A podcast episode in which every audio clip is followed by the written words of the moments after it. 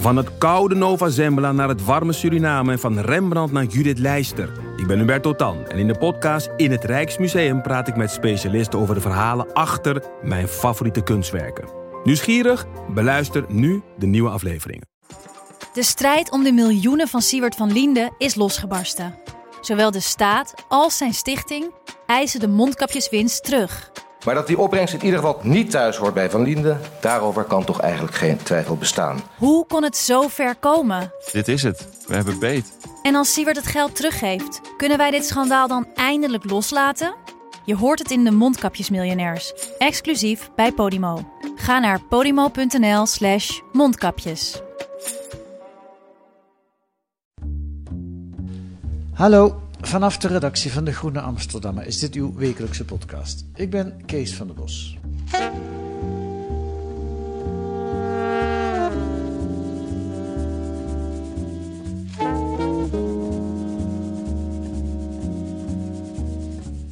Goedenavond.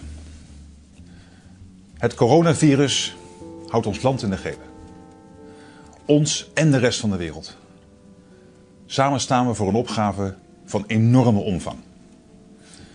Veel mensen zullen het gevoel herkennen dat we de laatste weken in een achtbaan zitten die steeds sneller lijkt te gaan rijden.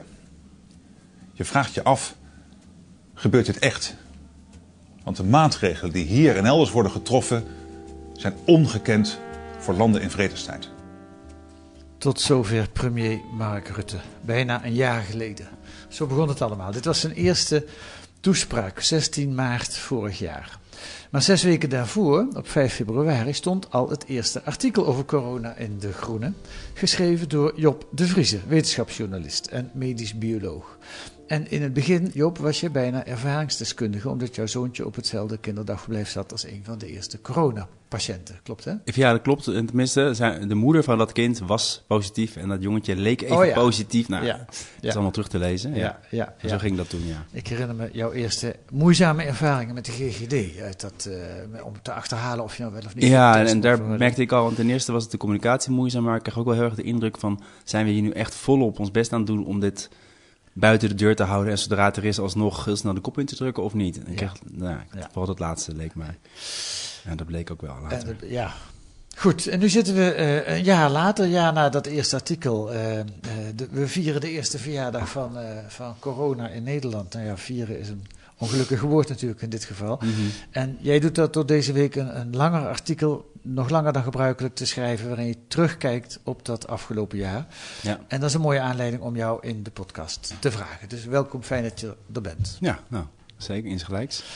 Ehm, corona betekent voor jou al een jaar lang keihard werken, denk ik. Ja, het is niet dat ik, eh, dat ik stil hoef te zitten. Nee. En er is elke keer wel weer iets.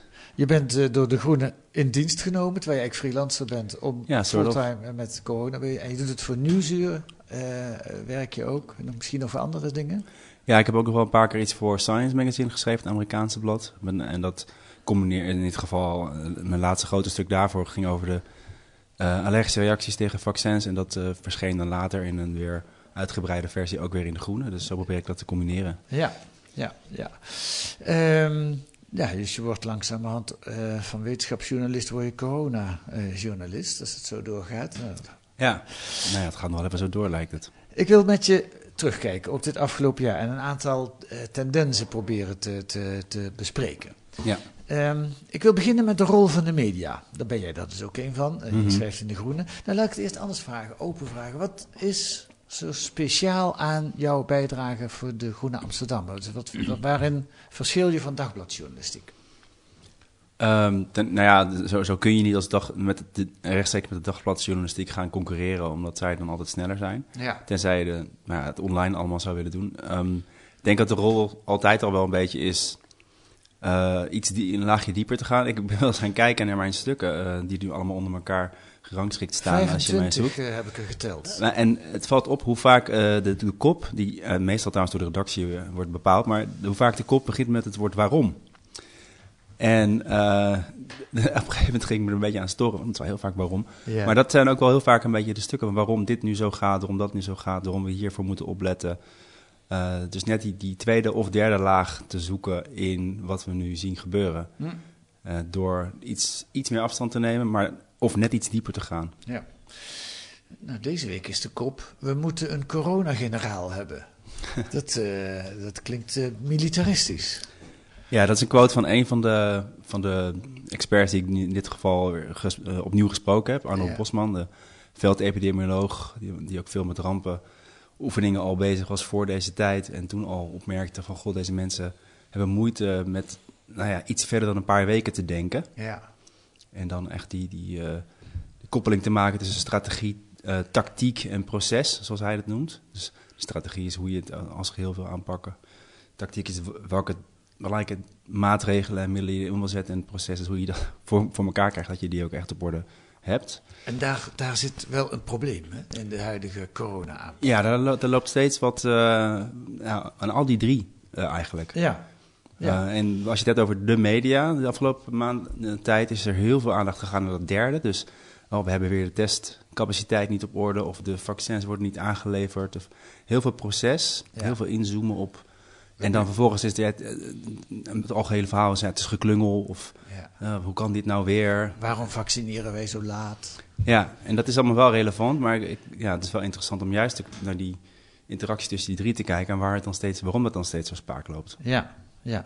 Nou, dat is misschien, eh, laten we daar meteen eh, naartoe gaan. Eh, we hoorden net een stukje van Rutte uit zijn eerste toespraak. Nu komt er een stukje een paar maanden later, niet zo heel veel later. En daarin valt een beroemd woord, namelijk groepsimmuniteit. En dat gaat nog een belangrijke rol spelen. Eerst even luisteren naar Rutte. En wat ze ons ook zeggen, is dat we in afwachting van een vaccin of medicijn de verspreiding van het virus kunnen afremmen en tegelijkertijd gecontroleerd groepsimmuniteit op kunnen bouwen. Dat moet ik uitleggen. Wie het virus heeft gehad, is daarna meestal immuun. Net als vroeger met de mazelen. Hoe groter de groep die immuun is, hoe kleiner de kans voor het virus om over te springen op kwetsbare ouderen en mensen met een zwakke gezondheid. Met groepsimmuniteit bouw je als het ware een beschermende muur om hen heen. Dat is het principe. Maar we moeten ons wel realiseren dat het maanden of zelfs langer kan duren om groepsimmuniteit op te bouwen. En in die tijd moeten we mensen die een groter risico lopen zoveel mogelijk afschermen. Ik herinner me dat jij in het eh, eh, eerste artikel na, hierna, volgens mij was dat april, heb ik even hier niet bij staan, maar het heel, in het begin van de crisis, eigenlijk al meteen korte metten maakte met dat idee van groepsimmuniteit. Eh, waarom was dat? Ja, het waren eigenlijk twee dingen. Het ene was eh, eh, de strategie die toen werd ontvouwen, zeg maar. Dat was eigenlijk de enige moment, enige moment dat er echt heel actief pro- eh, over de strategie Ja, maar nu gesproken zitten we is. op strategisch niveau te ja, praten, dit is strategie. Ja, ja. Toen werd de term maximaal controleren geïntroduceerd. En Ja. dat werd toen uitgelegd, heel letterlijk en heel, nou, ehm, heel sec als eh, het zoveel mogelijk uitspreiden van de, de- wat ze dan eh, de curve noemen. Dus eh, als je niks doet, dan schiet die, die curve omhoog. Maar dan kan het ziekenhuis het niet aan. Ja. Eh, dan gaan we het dan uitspreiden door die curve zo lang mogelijk doorloopt. Flatten the curve. En, ehm, ehm, maar dat, dan ben je dus niet bezig om het echt omlaag te drukken om zo min mogelijk mensen te besmet te raken. Want als je maar genoeg mensen laat besmetten die er niet ernstig ziek van worden, dat klinkt allemaal heel aannemelijk en elegant, dan na verloop van tijd hoef je steeds minder maatregelen te nemen om die mensen die je niet wil besmet laten worden te beschermen. Eigenlijk, dat was Ja. het idee. Ja. Ehm, maar daar waren al meteen al wel kritiek op, want diezelfde discussie over of dat flattende curve, hoe elegant het ook klinkt, wel verantwoord is met zo'n virus waar we niet veel van weten, waarvan toch heel moeilijk is om die mensen uiteindelijk af te schermen die je wil afschermen. Dus de kwetsbaren, wie zijn dat dan? Anderhalf miljoen, drie miljoen mensen. Ehm, en of die opbouw van immuniteit wel zo, zo solide is. Ehm, nou ja, daar is er later nog bij gekomen dat het virus kan veranderen en dat die immuniteit dan vervolgens niet meer zo waardevol is. Ehm, dus die discussie was in Engeland al heel erg gevoerd. Eigenlijk was die toen op basis van een grote rapport vanuit Imperial College van modelleurs, epidemiologen daar. Eh, die hadden voor becijferd hoeveel doden dat zou kosten, zeg maar, hoeveel levens dat zou kosten. Dat ging volgens mij in Engeland toen, in het Verenigd Koninkrijk om 200.000 of zo. In Nederland werd dus ook een dag na die speech eh desgevraagd dat Marion Koopmans bij Nieuwsuur ook aanmeldde van, nou ja, dat kan wel eens om 40.000 tot 80.000 levens gaan. Voor de duidelijkheid, we zitten nu op 15, 16.000 geloof ik. Hè? Ja.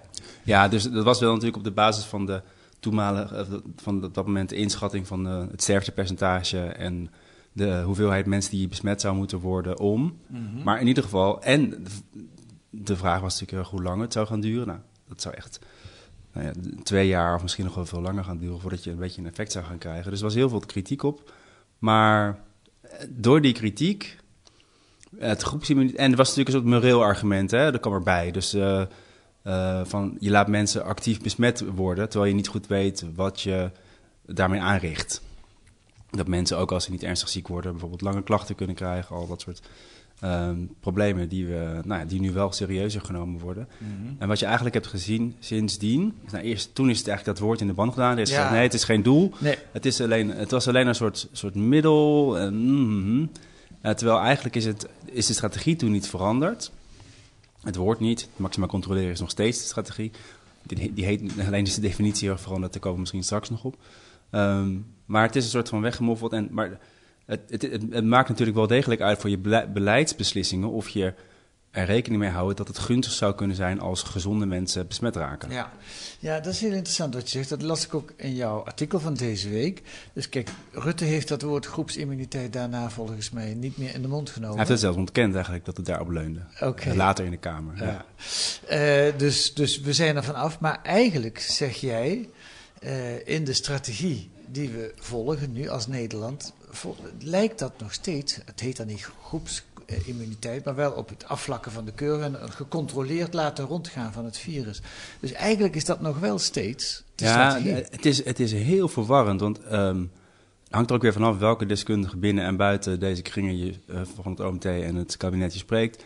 Of het nou nog steeds helemaal hetzelfde is, of dat het eigenlijk nu wel zoveel mogelijk omlaag drukken is, maar dat het toch niet zo goed lukt en dat je dan uiteindelijk alsnog die ziekenhuiscapaciteit als uitgangspunt neemt. Ja, dat maakt we- het zo verwarrend allemaal. Ja, ja, laten we even... En dat is, dat is misschien nog wel meer het probleem dan dat dat nog steeds de strategie is. Want er is, een soort van geen, is geen duidelijke strategie meer. Nee.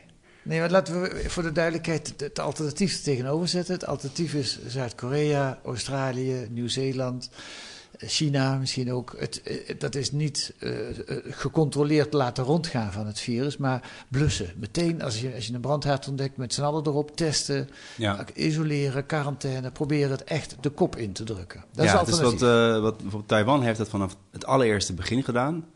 Die, die geloofde dus niet, toen wij nog niet zeker hadden of het virus van mens op mens oversprong, want China daar nog niet duidelijk over was. Dus die Taiwanese dachten, nou, we gaan er maar gewoon meteen vanuit. En die hebben van begin af aan dit gedaan. Die hebben dus geen lockdown hoeven doen om eerst het virus laag te krijgen en dat toen gedaan. Nieuw-Zeeland heeft dit besloten toen ze het rapport over China hadden gelezen. Dachten ze van, hé, hey, eh, de Chinezen hebben niet alleen maar een lockdown gedaan, die hebben daarna het ook Hè, met dat contactonderzoek hebben ze het nou ja, echt eh, op lokaal niveau overal uitgeblust. Dat gaan wij ook doen. Dus die hebben toen de meest strenge lockdown ehm, die, er maar, die er maar is, waarbij ze echt mensen binnen moesten blijven, gedaan. Toen is dat die R-waarde daar echt naar 0,3 gegaan. Dus dat is de hoeveelheid Dus besmetting. hoeveel besmettingen, dus dat 100 mensen, Ja. 30 mensen besmetten, dan gaat het heel hard omlaag, Ja. exponentieel omlaag. Ehm, En nu zitten ze, ik zag laatst een foto in de krant van een groot popconcert of zo. Wat ze weer met Ja, dus daar hebben ze dat gedaan. En dat, daar is natuurlijk, dat komt komt natuurlijk ook aan bod. Als een eiland Ja. is dat natuurlijk ook makkelijker om Ja. te doen. Ja. Maar we hadden wel degelijk ook de optie gehad als gidsland Nederland om in Europa hiermee de boer op te gaan. In plaats van dat we het juist constant benadrukken dat dat hier niet gaat passen binnen onze manier van leven en onze, onze ligging en onze, ja, onze cultuur en onze wetten, zeg maar. Ja, maar nu hebben we de twee uitersten de geschetste. De, de- onderdrukken, eh, de kop indrukken of gecontroleerd laten en zo houden. Ja. En Nederland heeft, eh, en daar hoort dit- dat gecontroleerd laten rondgaan, dat kun je groepsimmuniteit bij zeggen, maar ook zonder groeps, groepsimmuniteit kan je het ook gecontroleerd Ja. laten rondgaan. Dan is Ja. eigenlijk de, de, de eh, grens die je zoekt, is kunnen de ziekenhuizen het nog aan. Als de Ja. ziekenhuizen het nog aan kunnen, gaan we vrijer. En als de ziekenhuizen het niet meer aan kunnen, dan, dan gaan we strenger worden. Ja. En nou lees ik eigenlijk in jouw stuk dat het die andere strategie. Ja, nou, het eerste is wat je net al zei: in Nederland is eigenlijk helemaal niet zo duidelijk. Er wordt Mhm, niet zo duidelijk ja. over die strategie. Op dat niveau wordt er niet zo goed over gepraat. Ja. Maar als je kijkt naar de landen die die andere strategie hebben gevolgd, dan zijn die in, in veel opzichten, of in alle opzichten eigenlijk, succesvoller. Ja, er werd aan het begin natuurlijk heel erg aangevoerd. Ja, het is economisch eh, is het aantrekkelijker om niet te veel te doen. Eh, maar uiteindelijk kwam het er steeds op neer dat je dus uiteindelijk alsnog moest. Want als iets blijft toenemen, dan moet je uiteindelijk alsnog aan die noodrem trekken. Dat hebben wij half december gedaan voor de tweede golf. Ja. We dachten eerst, nou, hmm, hmm, toch niet, eh, iets weer erbij. En dan, dan moet je alsnog hetzelfde doen als wanneer je het eerder had gedaan. Maar dan heb je en de zieke al, en je moet het waarschijnlijk langer volhouden, omdat er nog heel veel virus rondgaat. Dus je hebt diezelfde maatregelen nodig. Dus economisch gezien is het effect minstens hetzelfde. Je hebt geen perspectief. Dat is een, een van de grote klachten over dit beleid. Van hoe lang moeten we dit nou doen? Waar doen we het voor? Willen we dit nou wel doen voor al die mensen die op die afdelingen liggen of niet? Eh, Die discussie zie je nu heel erg. Eigenlijk hebben wij daar met onze huidige benadering de nadelen van allebei. Ja, het is eigenlijk een beetje het, beste, het slechtste van twee werelden Ja, dus geworden. De, de maatschappij, de economie loopt geweldig schade op en er is nog geen eind eigenlijk goed zichtbaar. Terwijl het virus eh, eh, vrolijk rond, of vrolijk, dat is een beetje... Ja, het is nu wel eh, behoorlijk teruggedrongen. En Ja. in afwachting van dat, ja, dat nu dan net het punt zou zijn dat het weer zou toenemen. Dat is weer een aparte discussie over de Britse variant en andere Ja. varianten. Maar- Nou is wel de vraag, hadden we echt een keuze? Dus was het voor Nederland mogelijk geweest om op die Nieuw-Zeelandse manier te reageren, of die Taiwanese manier? Ik denk dat, eh, dat we in de eerste golf in die zin hebben gedaan wat we konden doen op basis van wat we konden en in huis hadden. Dus die capaciteit van de GGD'en, van de testen. Maar daar hadden we wel in de loop van het voorjaar veel aan kunnen doen. Dat hebben we ook gedaan. Maar in de tweede golf, het begin daarvan eh, en ook nou, in de loop daarvan, hebben we verzuimd dat dan ook echt vol te doen. En daarbij ook echt tot in die kleine lettertjes. Ik vond het heel interessant. eh, Marion Koopmans was in China en die, hij viel heel erg op wat daar, allemaal, wat daar allemaal aan extra regels en dingen waren. Hoe vaak ze getest moesten worden toen ze net binnen was gereisd, zeg maar. Eh, dat ze twee weken in quarantaine moest. En nou ja, hoeveel meer erbij komt kijken als je het ook echt, als je het ook echt wil. Ja. Dat, het echt, nou ja, dat je geen toeval toelaat in jouw beleid. Ja. Dus wordt er dan gezegd, je moet een test laten zien als je binnenreist, maar eigenlijk niemand controleert dat. Ja. Dat is wel leuk, eigen verantwoordelijkheid, maar wil je het dan ook wel echt? Ja, ja. Maar toch weer die vraag, had het gekund? Want Nederland is natuurlijk geen Nieuw-Zeeland en wij, Nee, wij zijn klopt. geen eiland. We zitten in, in nou, open grenzen. Eh, hadden we een alternatief? Ik denk, ik denk zeker dat het een eh, alternatief was geweest. Want als je kijkt naar wat nou uiteindelijk de argumenten zijn geweest die hier tegen zijn ingebracht. Eén is het enkelbandenargument. Want Ernst Kuipers op een gegeven moment opperde van ja, dan moet je mensen die in quarantaine moeten een enkelband omdoen. En dan, om te voorkomen dat ze dat doen. En Je moet het Ehm, controleren. ja, dat is, maar uiteindelijk, de- dus eigenlijk heeft dat te maken met eh, de vrijheid die je mensen ontneemt. Maar wij ontnemen nu de hele bevolking heel veel vrijheden, omdat we die mensen die dan eh, op dat moment in quarantaine moeten, niet te veel, niet te streng willen aanpakken. Ja. En Vervolgens gooien we wel alle winkels en kroegen en, eh, en de avonden dicht, zullen we maar zeggen. Ja. Dus dat argument vind ik, ja, dat heeft ons eigenlijk juist parten gespeeld. Dat we het niet voor ons zagen. Eh, het eilandargument, ik denk dat je, je kunt wel degelijk je grenzen goed dichtgooien en daar dingen op doen. Dan zijn daar zeker consequenties van. Eh, bijvoorbeeld het, het, dat mensen in een hotel in quarantaine moeten, dat, waardoor je dus niet je familie besmet. Dat kan gewoon. Moet je alleen willen en wenselijk vinden. En een andere optie is dat je inderdaad met landen samen, er is nu ook een soort Europees initiatief van allerlei wetenschappers uit heel Europa, zo van, die pleiten voor een pan-Europese aanpak. Nou, dat is misschien wel heel utopisch dat je vanuit heel Europa, eh, met heel Europa alle gezichten één kant op krijgt. Mhm. Ehm, maar dat kun je ook met een deel van Europa doen. Dan heb je weer minder last van die buitengrenzen. Dan heb je Ja. weer minder buitengrenzen die je moet bewaken, als het ware. Een kenmerk van jouw analyse in, in, in, de, eh, in dit stuk, De Groene, deze week, is ehm, dat je eigenlijk zegt: wij hebben geen duidelijke strategie. Als we al een strategie hebben, dan lijkt die nog het meest op eh, gecontroleerd laten rondgaan. Maar dan begon je net ook al, Mhm. er zijn ook wat andere signalen. Ja. En we communiceren daar niet duidelijk over. Dus we, we, we, we, we doen maar een beetje wat. Ja, het lijkt ook heel erg wat dat betreft. Dat is misschien ook wat. Dat is al de kritiek die Rutte al langer aan zich heeft kleven. Dat hij niet heel erg visie heeft. Eh, het is, hij is in die zin een politicus van zijn tijd. Heb ik het idee dat hij heel erg kijkt naar: oké, wat wil men? Waar, waar, waar voelt men voor? Hebben we draagvlak? Maar dat, uiteindelijk is dat natuurlijk een lastige manier van een pandemie want die pan- eh, bestrijden. Want een virus die gaat niet heel erg kijken naar draagvlak en naar eh, wat, of welk compromis zal het virus nu accepteren. En dat is natuurlijk het hele het Nederlandse. Het compromis bouwen, iedereen, alle partijen betrekken bij, eh, bij een beleid. Ehm, dat is waar de bestuurskundigen heel erg kritisch op zijn. Zoals Ja. Arjen Boyn die ik sprak, Ja. de hoogleraar in Leiden. En, en dat hij zegt, ja, weet je, we kunnen wel allemaal sneller gaan vergaderen en vaker gaan vergaderen met alle, alle betrokkenen, maar daar wordt je proces nou niet echt efficiënter van. Ja, dat stond een mooie zin in jouw artikel. Als het virus uh, doodgepraat kon worden, dan hadden we het al lang overwonnen. Ja, en wij hebben eigenlijk onze, onze polderstructuur op steroïden gezet, zoals hij het ook zei. in plaats van dat je een, een crisisstructuur inricht, inricht waarbij je echt kijkt, die, die en die kunnen wel meepraten. Die, nou, die nemen we, de input van die en die partijen nemen we op een andere manier mee. Waardoor het gewoon echt efficiënter wordt. Ja. Nou ja, dat staat allemaal in jouw stuk. Wat ik ook heel interessant vind, is dat je voordat de coronacrisis uitbrak, waren er ook lijsten met uh, hoeverre zijn, welke landen zijn voorbereid op een eventuele pandemie. Want in de wetenschappelijke kringen was het algemeen bekend dat het een keer zou gaan komen, ja. zoiets. Ja. En Nederland stond uh, hoog op die lijsten. Ja. De, de stond op de derde plaats, de andere zaten we ook in de top. En, maar nu is er ook een lijst uh, door een Australisch instituut, een denktank, met hoeveel, waar heeft de pandemie het hardst toegeslagen. Mm -hmm. En dan staan we nu op nummer 75. Ja. Uh, dus dat is helemaal, we, we, we, doen het helemaal niet goed. Nou ja, ik kan jou niet vragen in één zin uh, jouw hele mm -hmm. artikel. Want dat is eigenlijk de, de, de basis van jouw artikel. Die tegenstelling, die probeer je te verklaren. Mm -hmm. um, dat, gaat, dat gaat niet helemaal lukken, maar haal er eens één hoofdpunt uit. Waarom is, doen wij het zoveel slechter dan van tevoren gedacht? Ja. Een aantal dingen hebben we net al besproken, dus dat scheelt weer. En maar eentje die mij het meest is bijgebleven, en dat geldt ook voor andere toplanden, zoals uh, in eerste instantie wel Verenigd Koninkrijk en Verenigde Staten, is ook al ben je heel erg goed voorbereid, dus preparedness, um, dan kan er nog steeds een gapend gat ontstaan richting uh, bereidheid. Dus de willingness om ook echt datgene te doen wat nodig is. Mm -hmm. En dat, daar kunnen politieke factoren voor zijn, voor zijn culturele factoren economische factoren. En ja, dat heeft Nederland ook wel in de weg gezeten. Dus uh, we hebben heel erg gedacht, als, het, nou, als we het half, half, als we nou net genoeg doen, dan is dat misschien beter. En achteraf, ik denk dat die willingness veel groter was geweest wanneer het vi virus dodelijker was geweest. Er zijn best wel wat experts die zeggen, dan, dan had de wereld er misschien juist beter voor gestaan als 10% of meer van deze mensen die besmet raakten dood zou gaan. Want dat was en de regeringen en burgers waren, hadden het overal ter wereld serieuzer genomen. Ja ja. dat is een beetje wrange constatering, maar dat zou best kunnen kloppen.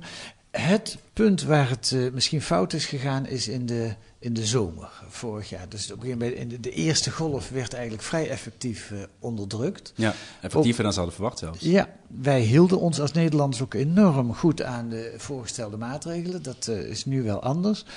Ja. en toen heeft men de teugels laten vieren. Als voorbeeld daarvan laat ik een stukje horen van de persconferentie van Rutte en de jongen. Wij hoort alleen Rutte in juni, 2 juni. Wat was het grootste probleem wat Nederland op dat moment bezig hield? Kunnen we wel op vakantie? Maar de hoofdvraag die vandaag uh, op tafel lag was wat te doen met de vakanties. Een vraag die veel mensen bezighoudt deze dagen, want de zomerperiode is een aantocht en we willen erop uit. Dat is ook logisch, want juist nadat we zo'n lange periode thuis zijn gebleven, willen we weer op pad. En dus vraagt bijna iedereen zich af, kan ik weg deze zomer? Het korte antwoord op alle vragen is dat we deze zomer inderdaad op vakantie kunnen. Maar niet zomaar overal. En er zijn hoe dan ook uh, onzekerheden. Ja, dit is wel misschien het voorbeeld van Nederland die niet kiest voor de strategie Rutte, die niet kiest voor de strategie de boel eronder mm te houden. Hè? Ja. De teugels veel te ver ja. laten vieren. Ja. Met alle gevolgen van dien. Het gold eigenlijk over heel Europa. Ik weet toch dat ik toen een stuk schreef van Europa gooit, ja, gaat massaal op vakantie en hoopt er het beste van. En eigenlijk was het tegen beter weten in. Want je weet gewoon, iedere modelleur en epidemioloog kan uitleggen van wanneer je allerlei vakjes met mensen met besmettingen erin gaat mengen, dan gaat dat zo door elkaar heen. Ja. Uh, het is niet eens de enige oorzaak geweest natuurlijk. In de zomer was het lager door en doordat het goed was teruggedrongen en het seizoen zat mee en alles. Maar als je het dan alweer ziet oplopen. Ja. Ja, en, en wat er daarna gebeurde, is ook, het is ook helemaal misgelopen. Hè? Dus de, de, de, het begon onder jongeren in Amsterdam en Rotterdam. Een aantal besmettingen liepen op. En nu zitten we in, in alle manieren met de gebakken peren. We zitten met en hele strenge maatregelen. En met, ja. ja nu weer even gaat het de goede kant op, maar met hoge besmettingscijfers. Ja, en, en daar, toen in die fase met de jongeren in, uh, in Amsterdam en Rotterdam, daar zag je ook wel weer een beetje die glimp van die groepsimmuniteitsgedachte. Zo van, nou ja, als het daar blijft en, en inderdaad de ouderen isoleren zich genoeg, dan, dan is dat eigenlijk best gunstig. En dan, hè? Dan hoeven we niet zoveel te doen. En daardoor werd eigenlijk het ingrijpen uitgesteld. En dat, uh, ja, de GGD kon daar toen al niet meer aan, omdat er mensen met 100 contacten kwamen. Uh, dan ben je zo lang met één onderzoek bezig, dan kun je allemaal niet meer goed uitvoeren. En dan ben je die buffer van het contactonderzoek om het echt laag te houden, ben je alweer kwijt. Hm. Voordat het echt eenmaal herfst werd. Ja. Nou ja en nu, wat, wat, wat, wat moet er nu uh, ja, ik, je bent niet de, onze, onze goeroe die dat gaat vertellen, maar jij spreekt wel met wetenschappers die daarover nadenken. Wat is nu een verstandige strategie, denk je? Ja, het, het is nu natuurlijk. Heb ik ook een van mijn laatste artikelen geschreven. Een soort, soort, soort wedstrijd tussen hoe snel de vaccins iets gaan doen en uh, hoe snel die, die varianten op gaan komen. Uh, die varianten lijken nu wel weer ietsje langzamer omhoog te komen dan, uh, dan eerst werd gevreesd door de mensen ook bij de RIVM. Mm -hmm. Maar dat kan ook weer komen doordat we heel bewust ervan waren de laatste paar weken. Bijvoorbeeld in Landsingerland, dat in de buurt van Rotterdam, waar toen er werd gezegd, oh, de Britse variant uitbraak. En dat mensen zijn zich toen zo allemaal laten, allemaal laten testen, maar ook zo anders gaan gedragen dat het echt heel snel terugliep. Ja, dus het zou zomaar kunnen dat het nu inderdaad gunstiger is. Ja. Uh, doordat we, en dat we dan nu door alle verhalen dat het meevalt, misschien weer per ongeluk toch weer losser gaan worden. Ja. Zo, het luistert toch echt wel best wel nauw naar ons gedrag. De hoop is dat het zo langzaam omhoog gaat dat het, dat het voorjaar en de vaccins gaan helpen. Maar het zit hem uh, toch uiteindelijk heel erg in dat we, als we nou maar net genoeg blijven doen met z'n allen binnen het huidige regime. Wie weet kan er dan nog wel eens ietsje versoepeld, maar dat, daar heb ik niet echt veel hoop op. Hm. Misschien gaan de scholen dan meevallen. Ja, een strategie. Ja, kijk, ik zelf denk niet, nou we gaan nu nog volle bak ineens helemaal terug naar nul. Dat, ik snap ook wel dat ze zeggen, daar is nu het maatschappelijk klimaat niet naar. Dan ga je, je bedoelt het indammen. Dat wij het nu weer helemaal naar nul ja. proberen te drukken en ja. dan pas weer versoepelen. Ja.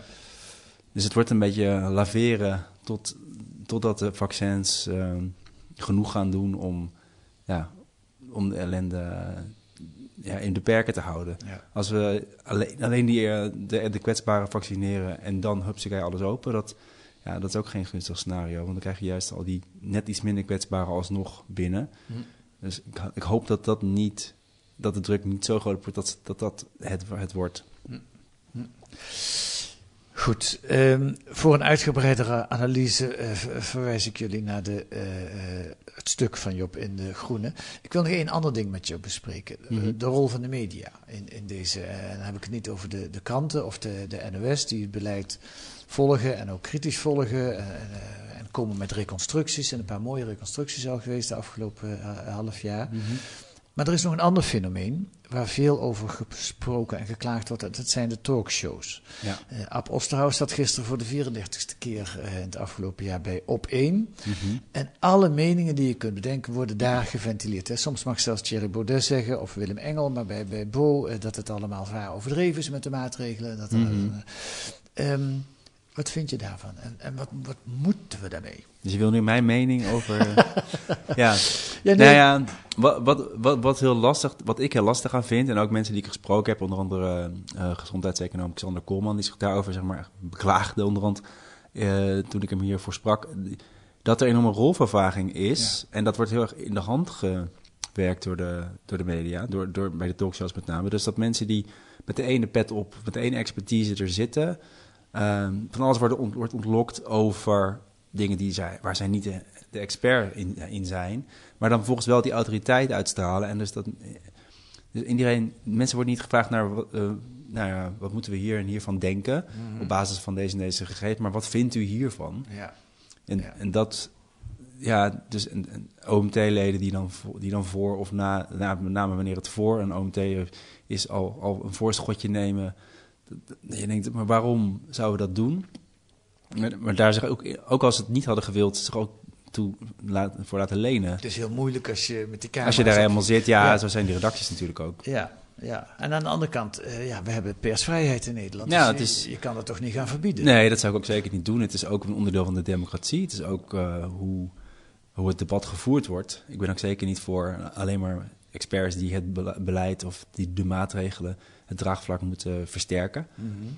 Maar op het moment dat het, uh, dat het de bedoeling is dat we uh, voor- en tegenstanders bij elkaar gaan zoeken, zodat we een, uh, een lekkere discussie krijgen, dan, dan kan het wel.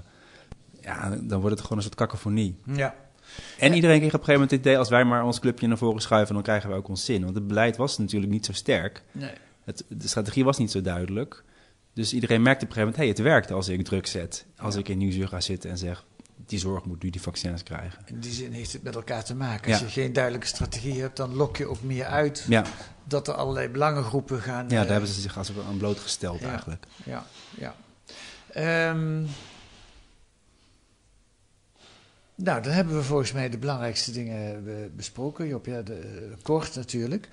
Ehm, ben jij eh, al coronamoe aan het worden? Of eh, hoe lang hou jij het nog vol? Nou, ik vrees dat ik nog wel even bezig ben. Ehm, maar dat is ja, meer op het persoonlijke vlak, op het privévlak, dan op het werkvlak. ja. Op het werkvlak zie ik ook wel weer lekker eh, leuk als ik gewoon weer voor andere dingen kan schrijven. Ehm, maar ja, het voelt, het voelt een beetje raar om dat nu te gaan doen. Ja, ja, dat zei je vijf maanden geleden toen je in de podcast zat ook al. En Ja, sindsdien eh, ja, precies. zijn er, ik geloof, elf artikelen sindsdien. Nou, 25 in totaal.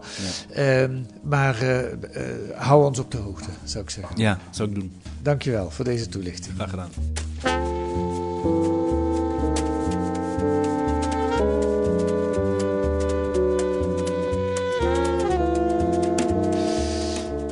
Lees deze week in De Groene ook een portret van Bill Gates. Onder de kop een kwaadaardig genie of technofiel met een missie.